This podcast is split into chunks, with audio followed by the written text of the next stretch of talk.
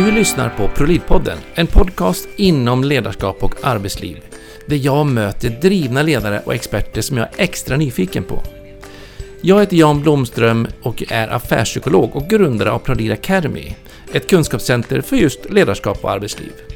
Vad du har för nytta av allt vad vi gör, ja, där hittar du all information om inne på prolid.se. Men nu är det hög tid att låta dagens gäst få inspirera både dig och mig. Så ge plats i studion så kör vi igång! Hjärtligt, hjärtligt välkommen Erik Segerstedt. Tack så mycket, vad kul att få vara med. Verkligen! Och eh, vi kommer ju att försöka att fånga upp lite grann eh, ditt samhällsintresse kanske primärt. Och då mm. kanske dels eh, Ja, helt enkelt, det ska bli jättespännande att fånga upp lite vad, vad, det, vad det står för och så. Mm. Eh, kan inte du bara nämna lite kort eh, vad ditt samhällsintresse består av just nu idag? Ja, men just nu idag så står vi inför ett val. Um, så att um, nu uh, följer man ju debatterna i den mån man orkar. Uh, det är väldigt mycket, det är väldigt enformigt kan man tycka. Ja. Eh, men, men eh, samhällsintresset står väl mest i att följa med i politiken och de olika strömningarna och sådär. Eh, ja. Men även lokalt. Jag bor i Stockholm på Kungsholmen och där skickas det ut en, en tidning varje vecka som heter Vi som bor på Kungsholmen tror jag. Ja. och det är också intressant tycker jag, så här, lokalt där man bor. Vad händer, vad händer, i, vad händer på ön eller sådär. Mm. Ja, det, det är, är coolt att, äh, att tänka Kungsholmen som ö. Jag bor ju på Gotland, det är också en ö. Ja, jag, jag, jag tänkte det precis när, i samma stund som jag sa det så, så, så, så tänkte jag att nej, men så där kan man inte säga. Nej, Till någon som bor på Gotland. Det, Gotland är ju en ö, verkligen. ja, men man kan absolut säga det på den också. Men alltså, vi spelar in det här avsnittet nu då precis innan valet 2022. Mm. Eh, och därför blir det då extra intensivt också med alla valdebatter och, och, och allt som sker kring det. Mm. Men eh, de som lyssnar nu då och börjar höra rösten och börjar känna igen kanske rösten lite grann. Eh, Erik Segerstedt, ja men namnet, ja men det där känner vi igen från lite olika ställen. Mm. Du har ju en liten annan sida kanske som de allra flesta känner till med. Och jag tänkte försöka ge mig på en liten kort eh, summering på, på lite delar som du har dykt upp i. Spännande. Eh, dels så 2006 så var du ju med och kom tvåa i Idol. Stämmer. Det är ganska länge sedan dessvärre. Åren går otroligt fort. Det är ett halvt liv sedan. ja, verkligen. Det känns ibland som det var igår men uh, nej, det är länge sedan. Mm. Sen så bildade ni EMD 2007. Mm. Tillsammans då med Danny Sadeko. Sadeko. Jag säger namnet alltid tokigt. Vad uttalar du det? Sudoku, Sudoku heter Sudoku. Nej, eh, Danny Saucedo brukar man Saucedo. säga. Och Mattias Andreasson. Yes, eh, Och sen så körde ni körslaget 2008. Det stämmer bra, eh, körslaget. Och sen eh, när man väl är inne i den där karusellen då, då blir det liksom... Då blir det alla de här programmen. Körslaget, eh, Let's Dance, ja. Melodifestivalen eh, och sen alla morgonsoffor i hela världen. Ja. Och, eh, Ja men sådär, när man väl är inne i det där då, då blir det allting på samma gång egentligen. Att, äh, är det det som också gör automatik att du blev omslagspojke på telefonkatalogen? alltså när jag läste det där, du hade skickat den där eh, det, jag kommer knappt ihåg det faktiskt. Men när du säger det så kommer jag ihåg det. Jag vill minnas att jag har någon mask på mig va? Eh, jag, jag, det, där vet jag inte. De körde någon kampanj och så ville de väl föryngra sig lite på något sätt och locka till sig Eh, så att det var, jag tror det var en massa artister som var omslag, för, eh, ja. som var omslag i omgångar då. Eh, på den tiden. Men det är ganska coolt ändå att kunna vara omslagskille på just telefonkatalogen. För det är ju inte så många som är det idag i alla fall. Nej, den finns inte ens väl. Nej, men precis. Den är väl länge sedan den försvann. Ja. Nej, de vet inte ens vad det är för något liksom. Ja, du har i alla fall varit med om jättemycket och du har varit liksom i, i mycket rampljus och varit med i, i de sammanhangen. Men mm. idag så har du ju faktiskt en tillvaro som också är mycket mer inom ledarskap och arbetsliv. Kan du berätta mm. lite grann om det? Ja men precis. Jag jobbar ju på ett bolag som heter F5 Peer Groups. Eh, och eh, det är, en, det är en dansk organisation från början eh, och i Danmark heter den FM Networking. Så det jag jobbar med är att rekrytera chefer och ledare till vårt kompetensnätverk. Eller våra kompetensnätverksgrupper då. Mm. Och Egentligen så är inte det ett jobb som jag sökte mig aktivt till utan jag känner en kille som, som jobbade där och eh, han bor här där jag bor på, i Stockholm på Lilla Essingen. Mm. Eh, och så någon gång stötte vi ihop och så började vi prata. Vad gör du? Hur är det nu för tiden? Han jobbade för övrigt med Idol så han var en av de killarna jag lärde, i produktionen som jag lärde känna där. Okej. Okay. Eh, och då berättade jag för honom att jag eh, har länge längtat efter kollegor, fasta arbetstider, eh, ett riktigt jobb. Eh, ja. Inom citationstecken. Och han tog fasta på det och hörde av sig några veckor eller någon månad senare och bara men, eh, Kan du inte komma till oss och testa? Mm. Se hur det känns. Så åkte jag på intervju och så kändes det som en väldigt genuin produkt som vi liksom kan leverera. Så att jag hoppade på nu har jag varit där i lite mer än ett halvår. Ja, jättespännande. Ja, det är det verkligen. Och eh, det är lite den vägen du och jag träffades också, för jag är ju en utav nätverksdirektörerna inom FN. En mycket eminent eh, nätverksledare för eh, våra offentliga grupper.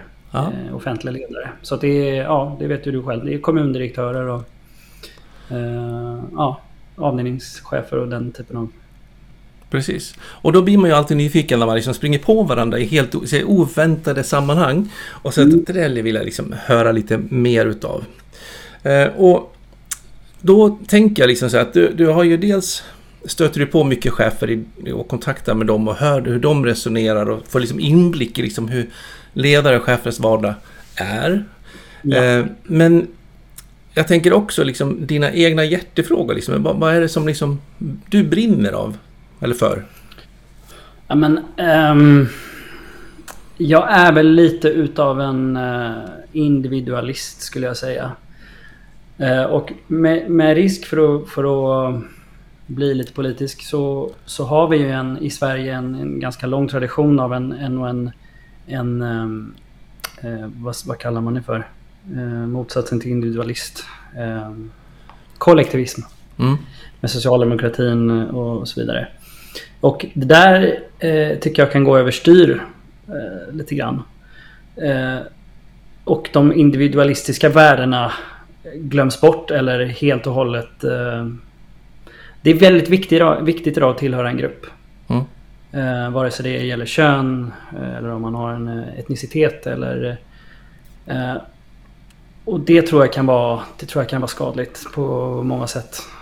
På vilket sätt då, tänker du? Um, återigen, med risk för att bli lite kontroversiell då. Um, man kan inte tillskriva någon en uh, egenskap eller en någonting egentligen. E-, erfarenheter eller ett offerskap eller vad som helst. Mm. Bara genom eh, yttre uh, faktorer eller liksom... För vi är liksom vi och så här ska vi vara. Det är det som du Precis. känner? Kvinna, eh, invandrare, eh, svensk, eh, vad som helst. Mm. Det finns en tendens tycker jag i samhället idag att tillskriva grupper olika offerskap, olika privilegier. Um, och man kan ju gå hur djupt in i det här som helst och jag menar, det är inte svart eller vitt. Mm. Såklart. Men jag, jag, brinner nog lite mer för att... Jag brinner ganska mycket för att... Uh, ja, men jag, jag värjer mig mot det och ställer mig lite emot det där. Mm. Uh, så mer liksom den individens egna vilja och... och... Egna vilja, egna erfarenhet, alltså livserfarenhet och vad den har varit med om och, och så vidare. Det, mm. det, det, min hudfärg eller kön eller vad det nu kan vara då säger ju egentligen ingenting om mig som person. Och det tycker jag är så otroligt viktigt att ha med sig i, i diskussioner eh, när det kommer till utanförskap eller samhälle överlag. Mm. Så, eh, så det, det brinner jag. Mm. För nu är det mycket, jag tänker i, i, i valrörelsen som det då är just nu, eh, så blir det extremt mycket fokus på, på gängvåld och ja.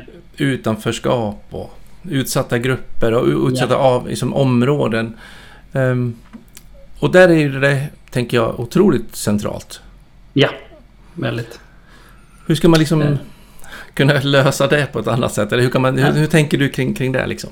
Jag tänker att speciellt i den politiska debatten, i alla fall den nationella politiska debatten, den man får följa nu på tv och så vidare, och så, så har det varit länge tycker jag. Så finns det liksom, det är så svart eller vitt. Det finns liksom ingen man har, man har en obenägenhet att hålla de här två tankarna i huvudet samtidigt. Att det är, det är delvis eh, arv, men det är delvis miljö. Mm. Eh, och det är delvis eh, socioekonomiska faktorer och det är delvis kulturellt. Och så här, de, de, de, det ena utesluter inte det andra där riktigt. Och det tycker jag kan vara... Jag blir frustrerad ibland när jag tittar på debatten och man bara, nej det är antingen det ena eller det andra liksom.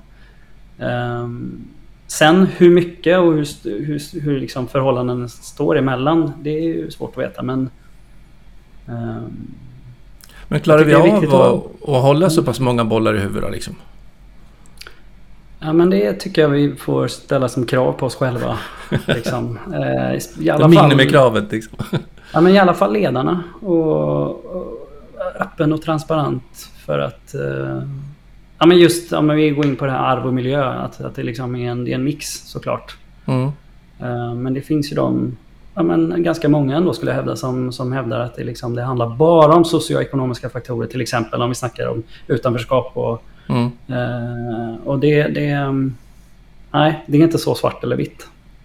Så. Inom psykologin så, jag är ju psykolog i botten. Mm. Och eh, då är liksom, under utbildningen kommer jag så väl ihåg liksom hur allting, då bygger vi upp på arv och miljö, den är ju jättestor inom psykologin.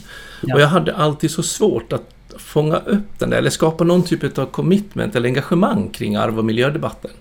Okej. Okay. Och sen så ramlade jag över någon teoretiker som pratade om att det var 100% arv och 100% miljö. Mm. Nu kommer jag dock inte ens ihåg vad den för teoretikern hette, men jag tyckte i alla fall den teorin kändes jättebra. Så den anammade jag redan då, på då och tog till mig. Och sen har jag liksom utgått från det. Att mm. eh, vi har liksom vi, vi har 100% arv med oss, men vi har också en 100% miljö med oss. Och sen blir det någonstans ett, ett val i den gränszonen någonstans som gör att man väljer det beteende som man gör, medvetet eller ibland omedvetet. Exakt, och jag menar lika många människor som det finns på planeten, lika många, vad ska man säga, för en del är miljön viktigare och för en del är arvet jätteviktigt. Alltså mm.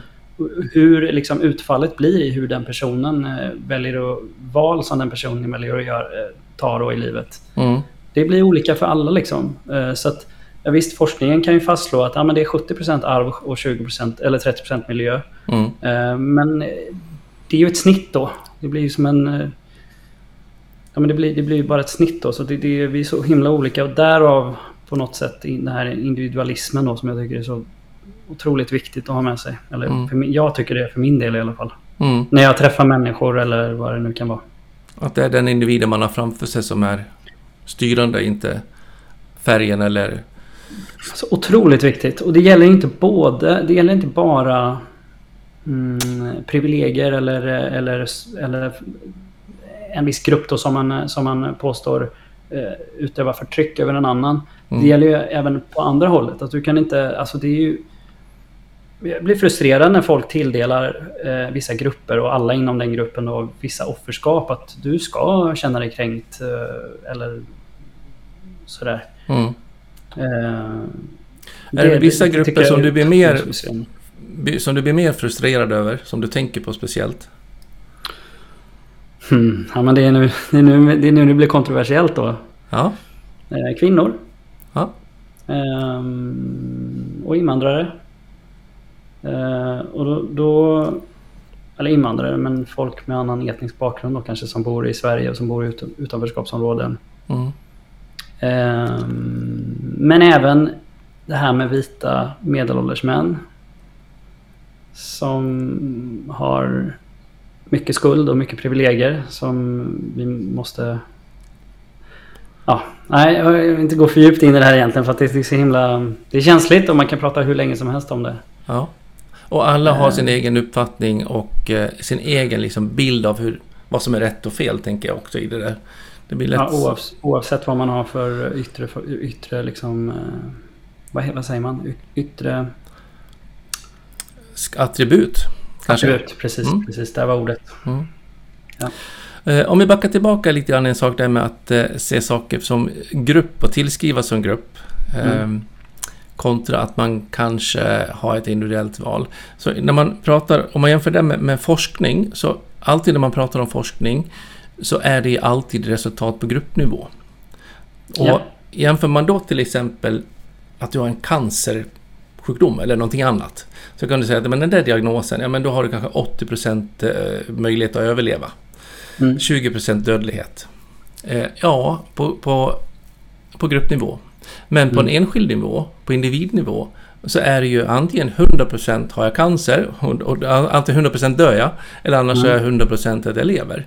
Då är det Mm. alltid det ena eller det andra. Mm. Eh, och det här är lite grann den... Jag kopplar det här lite utifrån vad du sa att vi måste kräva ha minst, minst två tankar i huvudet. Mm. Eh, och när man för den här debatten så behöver vi kunna både resonera på gruppnivån Mm. men också Självklart. se det individuella valet. Och Japp. där blir det alltid ett val man kan välja. Antingen är det ena eller det andra. Man kan liksom följa då gruppens kränkthet eller utsatthet eller min offerroll eller min utövarroll om jag är liksom maktutövning. Eller Mm. ska jag välja att göra ett annat val? Mm. Och eh, det där är ju frågor som man behöver liksom alltid våga benämna och våga sätta ord. Det är som du säger också att ja, men det blir känsligt, det blir lite jobbigt. Man kanske Ja, inte... mm. men, men ord, det måste upp på bordet. Man måste liksom nämna den rosa elefanten i rummet. Så är det definitivt och man måste Man måste vara öppen för att lära sig någonting av den man möter i en diskussion. Eh, och klimatet idag tycker jag mer handlar om att vinna debatten. Än Mm. att, eh, okej det förstår jag väl, alltså när man kör partiledardebatt på TV så, så handlar det väldigt mycket om att vinna debatten och det blir liksom en tävling. För man, eh, ja men det är viktigt liksom. Men Mm. när man sitter i en diskussion med en person vid ett middagsbord till exempel så tycker jag ofta att man upplever att eh, det blir samma feeling, liksom att man ska vinna debatten. Medan Mm. jag är uppväxt i ett hem där vi har haft så himla mycket diskussioner vid middagsbordet. Och just det här, eh, jag är alltid öppen för att lära mig nya saker av andra som jag, inte, som jag inte håller med. Jag är öppen för argument som vinner över mina egna. Eh, jag är öppen för att jag inte är fullbordad och har alla bästa argumenten. Om någon Eh, jag tycker det är det som är så härligt ibland med diskussioner, att man bara, men du har rätt.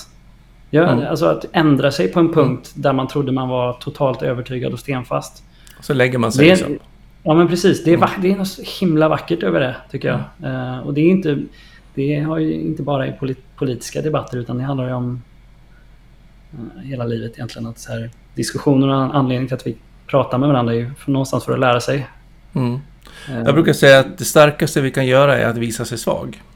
Ja men eh, Och det är lite så, det. tänker jag. Att man liksom, okej, jag, jag lägger mig, eller jag backar, eller du har vassare argument. Jag hade inte beaktat den vinkeln. Jag, för, nu förstår jag något annat än vad jag gjorde innan vi började vår diskussion. Och där är ju Precis. verkligen det här berikande att vara i dialoger. Precis, och, det, och, och då kan man koppla tillbaka till det jag jobbar med. Att jag har ju varit med på några möten som du har drivit till exempel. Ja, Och det är ju det enda vi gör på mötena. Det är ju liksom mötas, ehm, diskutera, bolla och lära sig. Och, och liksom... Mm. Det, Bred, det bredda fint. liksom perspektiven. Ja men precis, bredda perspektiv och Mm. lyssna på andra erfarenheter och liksom sådär eh, integrera det i sin egen, sitt, sitt, sitt eget sätt att tänka så. Mm. Ehm, Du, Mm. Ursäkta. Eh, du, du nämnde en, eh, er familj och ert köksbord.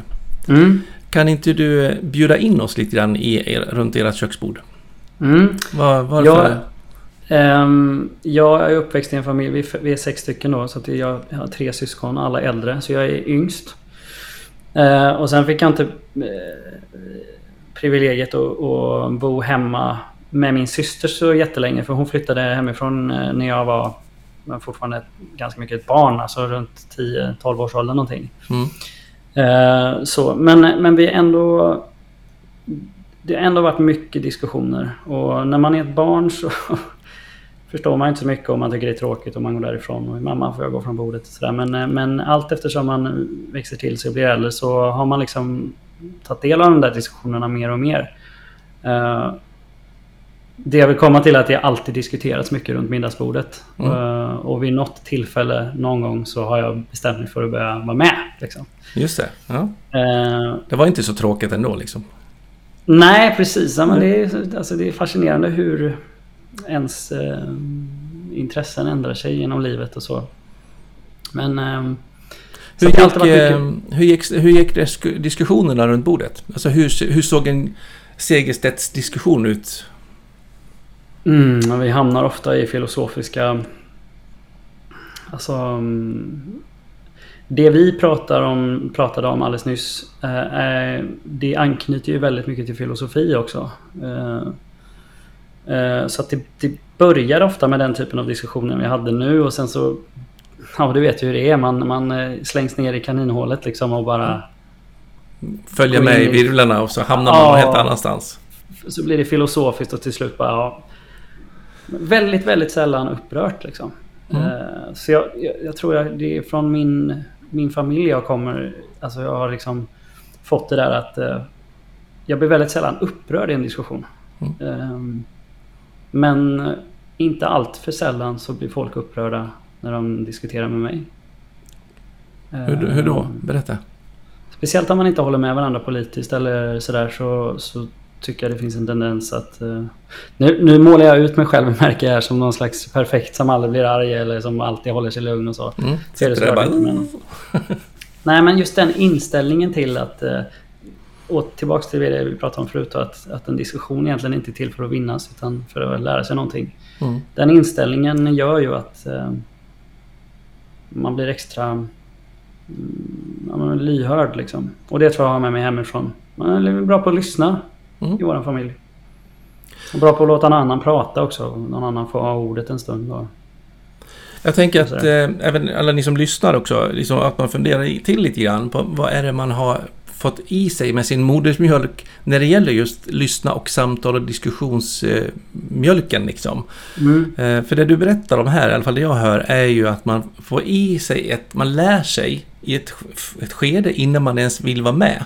När man, Mm. då man vill gå därifrån eller man, man går in i ett annat rum och så hör man en diskussion gå i andra rummet. Man, man får liksom en, en norm på hur ett samtal går till. ja, Och antingen går man till att man skriker och höjer rösten och slår näven i bordet så att tallrikarna skallrar. Eller annars så sitter man och liksom övertygar med vassa argument för att det ska vinna en debatt. Eller Mm. annars så är man där för att utforska och göra det lustfyllt att liksom erövra nya infallsvinklar tillsammans. mm, mm, Eh, Och det där ligger som en norm som man ofta har med sig och som sällan man egentligen förflyttar sig särskilt långt ifrån. ja, jag kan tänka mig. Utan vi är ganska lokal, liksom kvar i och trogen till vår, vår grundstil. I Ja. alla fall min erfarenhet. Och, och, och de magiska orden istället för att säga så här är det. Att säga i min erfarenhet så är det så här. Eller jag tror att det är så här. Eller jag... Jag tycker att det är så här. Istället för att säga så här är det. Ja, Det ska du lära dig. För att eh, då- det är stopp där på något sätt. Eh, ja för då har man redan lagt en sanning och det sista Ja. ordet är lagt liksom.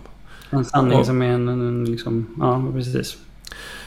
Eh, men så att, så att det kan man ju vara någonting som är, är nyttigt att man i alla fall reflekterar kring vad man vill ha. ha- Eller vad man har med sig och om det är det man vill. Eller om det är så att man medvetet och gör medvetna val att kunna kanske välja lite en annan approach. Eh, Mm. Så att man inte alltid går ner i clinchen. För att jag tror att vi börjar... Jag kan liksom känna igen det lite grann när du pratar om att liksom det blir Mm. mycket käbbel och det blir mycket vinna debatterna. Mm. Eh, både på nationell nivå men även i, i samhällsklimatet som sådant. Ja. Man ska sitta inne med den enkla, snabba lösningen som minsann vet. Det ska Och vara där skulle jag nästan vilja fråga, förlåt jag avbryter, men där skulle jag nästan vilja fråga dig, du som är lite äldre än mig. Upplever du som jag då att det har blivit mer och mer så? Eh, Ja, det tycker jag. I samhället och i, i liksom det, i offentliga debatten och så vidare. Ja, och där finns det säkert många av er som lyssnar som säkert kan det här mycket bättre än vad jag behärskar. Men eh, jag tänker lite grann eh, att det här med liksom nästan, det nästan blivit så här eh, Facebookifierat eller Instagram-variant. Det ska vara one-liners som är som enkla, tydliga bilder som lätt får likes liksom. Mm. Och när det smittar från de sociala plattformarna ut i samhället så blir det snabba lösningar, mirakelmediciner, Mm. bantningspiller typ liksom fast i, i, i lösa komplexa problem. Och problemen är otroligt komplexa Ja. eh, som vi pratar om i samhället idag och eh, då måste vi också ha komplexa lösningar. Eh, och det är det ingen som riktigt orkar med. Jag, jag är så pass gammal så jag kommer ihåg Dagens Nyheter när den tog liksom upp ett hela vardagsrumsbordet eller hela köksbordet. Man, liksom, den var ju hur stor som helst. Mm. Och det var bara löpande text, liksom meter med Mm. text och knappt några bilder. Mm. Eh, det, det är ingen som orkar läsa så mycket och så grundligt idag. Idag vill vi ha snabba grejer. Har nog, eh, det har väl gått ner känns det som.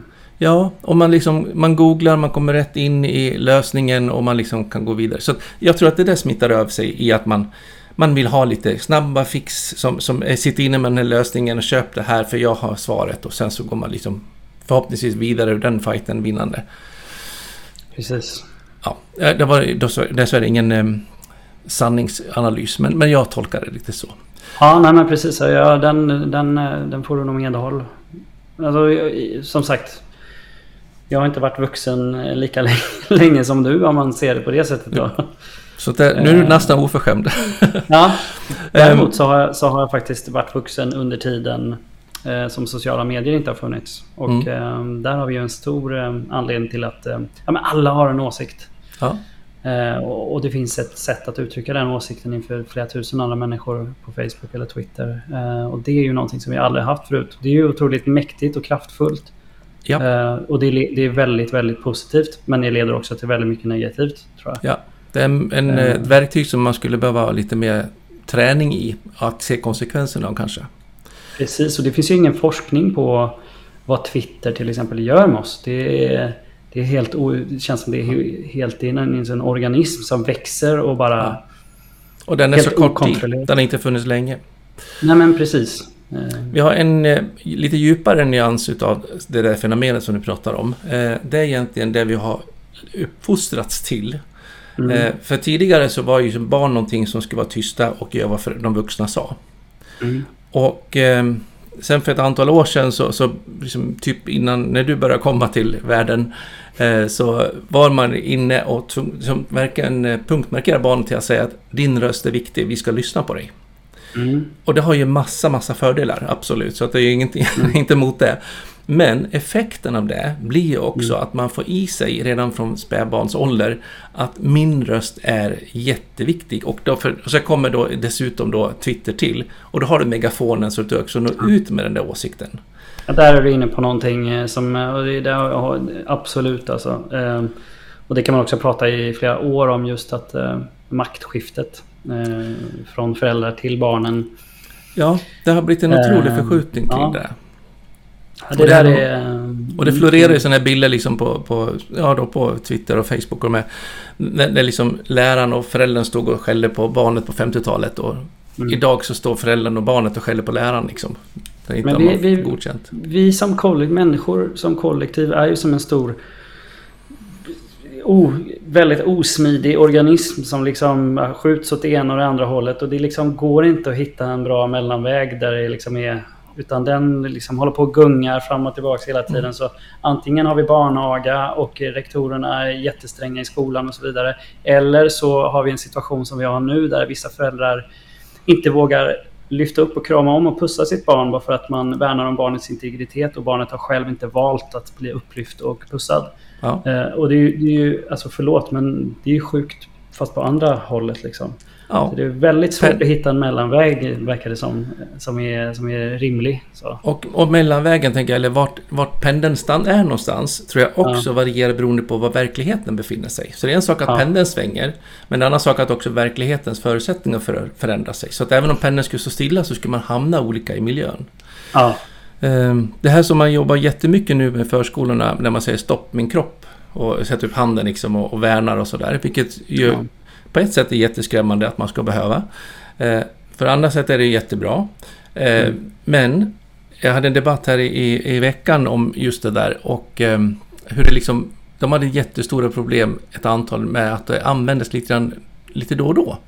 Mm. När man tog barnet och skulle gå över övergångsstället så skriker barnet liksom stopp, det är min kropp, jag vill inte gå över. Eller någonting sånt. Mm. Inte, ta inte mm. min hand liksom.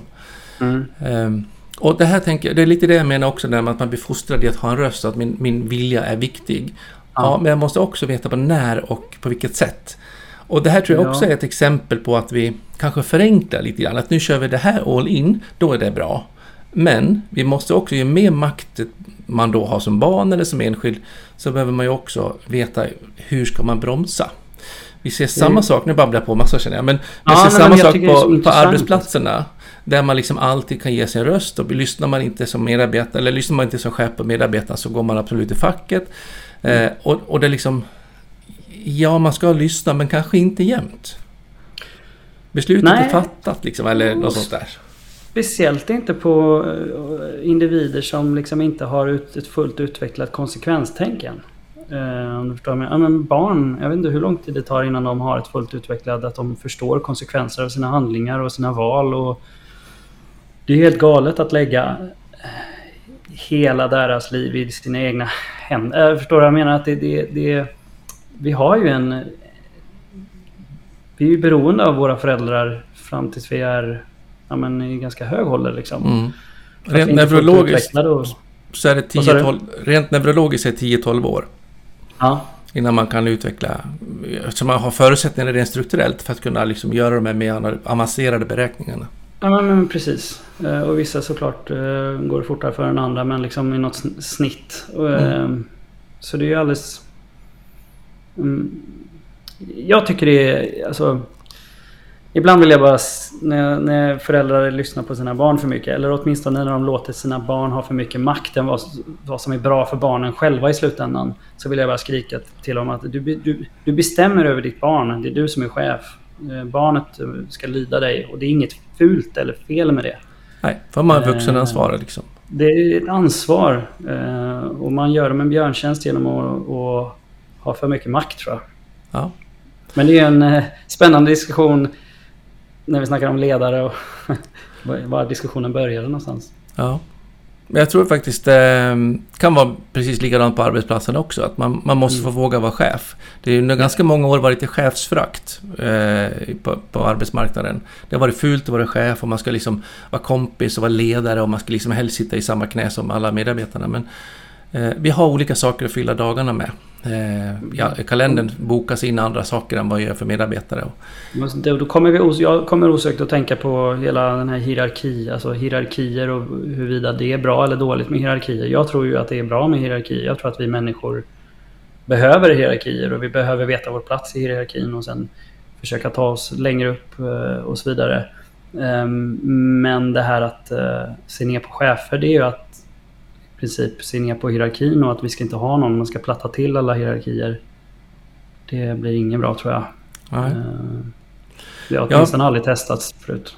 Jag har faktiskt eh, precis skrivit en bok som heter Ledarrevolutionen. Mm. Släpps lite senare i höst. Eh, så den är på utgång i alla fall. Eller vad heter det då? Den är på väg att släppas ut. Den är ju redan ute. Bäst före-datum för länge sedan. Eh, men men eh, där betonar, betonar vi just det här med att eh, faktiskt lite emot dig. Att, att det inte, vi förordar inte hierarkierna. Däremot så förordar vi eh, de, den styrningen och den tydligheten som hierarkierna gav. För det är det jag upplever att man har gjort. Förut hade man en hierarki med den ordning som fanns i den stelbentheten. Sen Mm. gjorde man organisationerna platta och då var det helt lelöst. Mm, Och man precis. pratar med, med stolthet över sina självstyrande arbetslag och ar- och team. Mm. Men eh, det är som att köra bil och däcken ska vara självstyrande, då blir man ju livrädd. Så att man måste Mm. ju ha den disciplinen, styrningen, kontrollen och man ska ha koll på att det finns kontroll. Men det behöver inte vara just jag Mm. som ledare som har kontroll. Men jag ska ha koll på att det finns kontroll där den ska vara. Mm. Så att man behöver adressera om de här olika parametrarna. Mm. Ja, men det är... Men det kan vi prata mer om Eh. vid, vid något annat tillfälle. Ja. Det är intressant tycker jag just med hierarkier och... Ja, det har i alla fall varit min erfarenhet att det varit lite, kanske lite värdeligare löst ett tag. Mm. Men vi behöver knyta ihop lite grann. Eh, Mm. De som har lyssnat nu och eh, vad har du något slutord till dem som du ville skicka med dem? Utifrån vad vi har resonerat i nu. Mm, bra fråga. Tänk själv. Ja. Tänk Och jag själv. tror också att ni märker, bara av vårt samtal nu, eh, så, så blir det ju att vi börjar i en ände, tar oss lite så fram och tillbaka, inte alltid har någon sån superfärdig mål. Och vi har kanske inte vunnit någon debatt. Men det har varit hemskt Nej. nyfiket, det har varit spännande och man går härifrån och i alla fall jag är mycket mer berikad. Tack detsamma. Verkligen jag med. Jätteintressant samtal och... eh, Och det är väl det du sa. kanske som är grunden för att ha dialog och ha samtal. Ja. Så mer samtal. Tänk själv och ha mer samtal med dem ni har runt er. Verkligen, verkligen. Verkligen vara ödmjuk för andras erfarenheter och sådär. Och ha som mål kanske, nu lägger jag orden i det, men ha som mål och, och, och liksom försök att hitta ett, ett samtal där du lägger dig. Därför att den andra hade Mm. bättre argument än dig.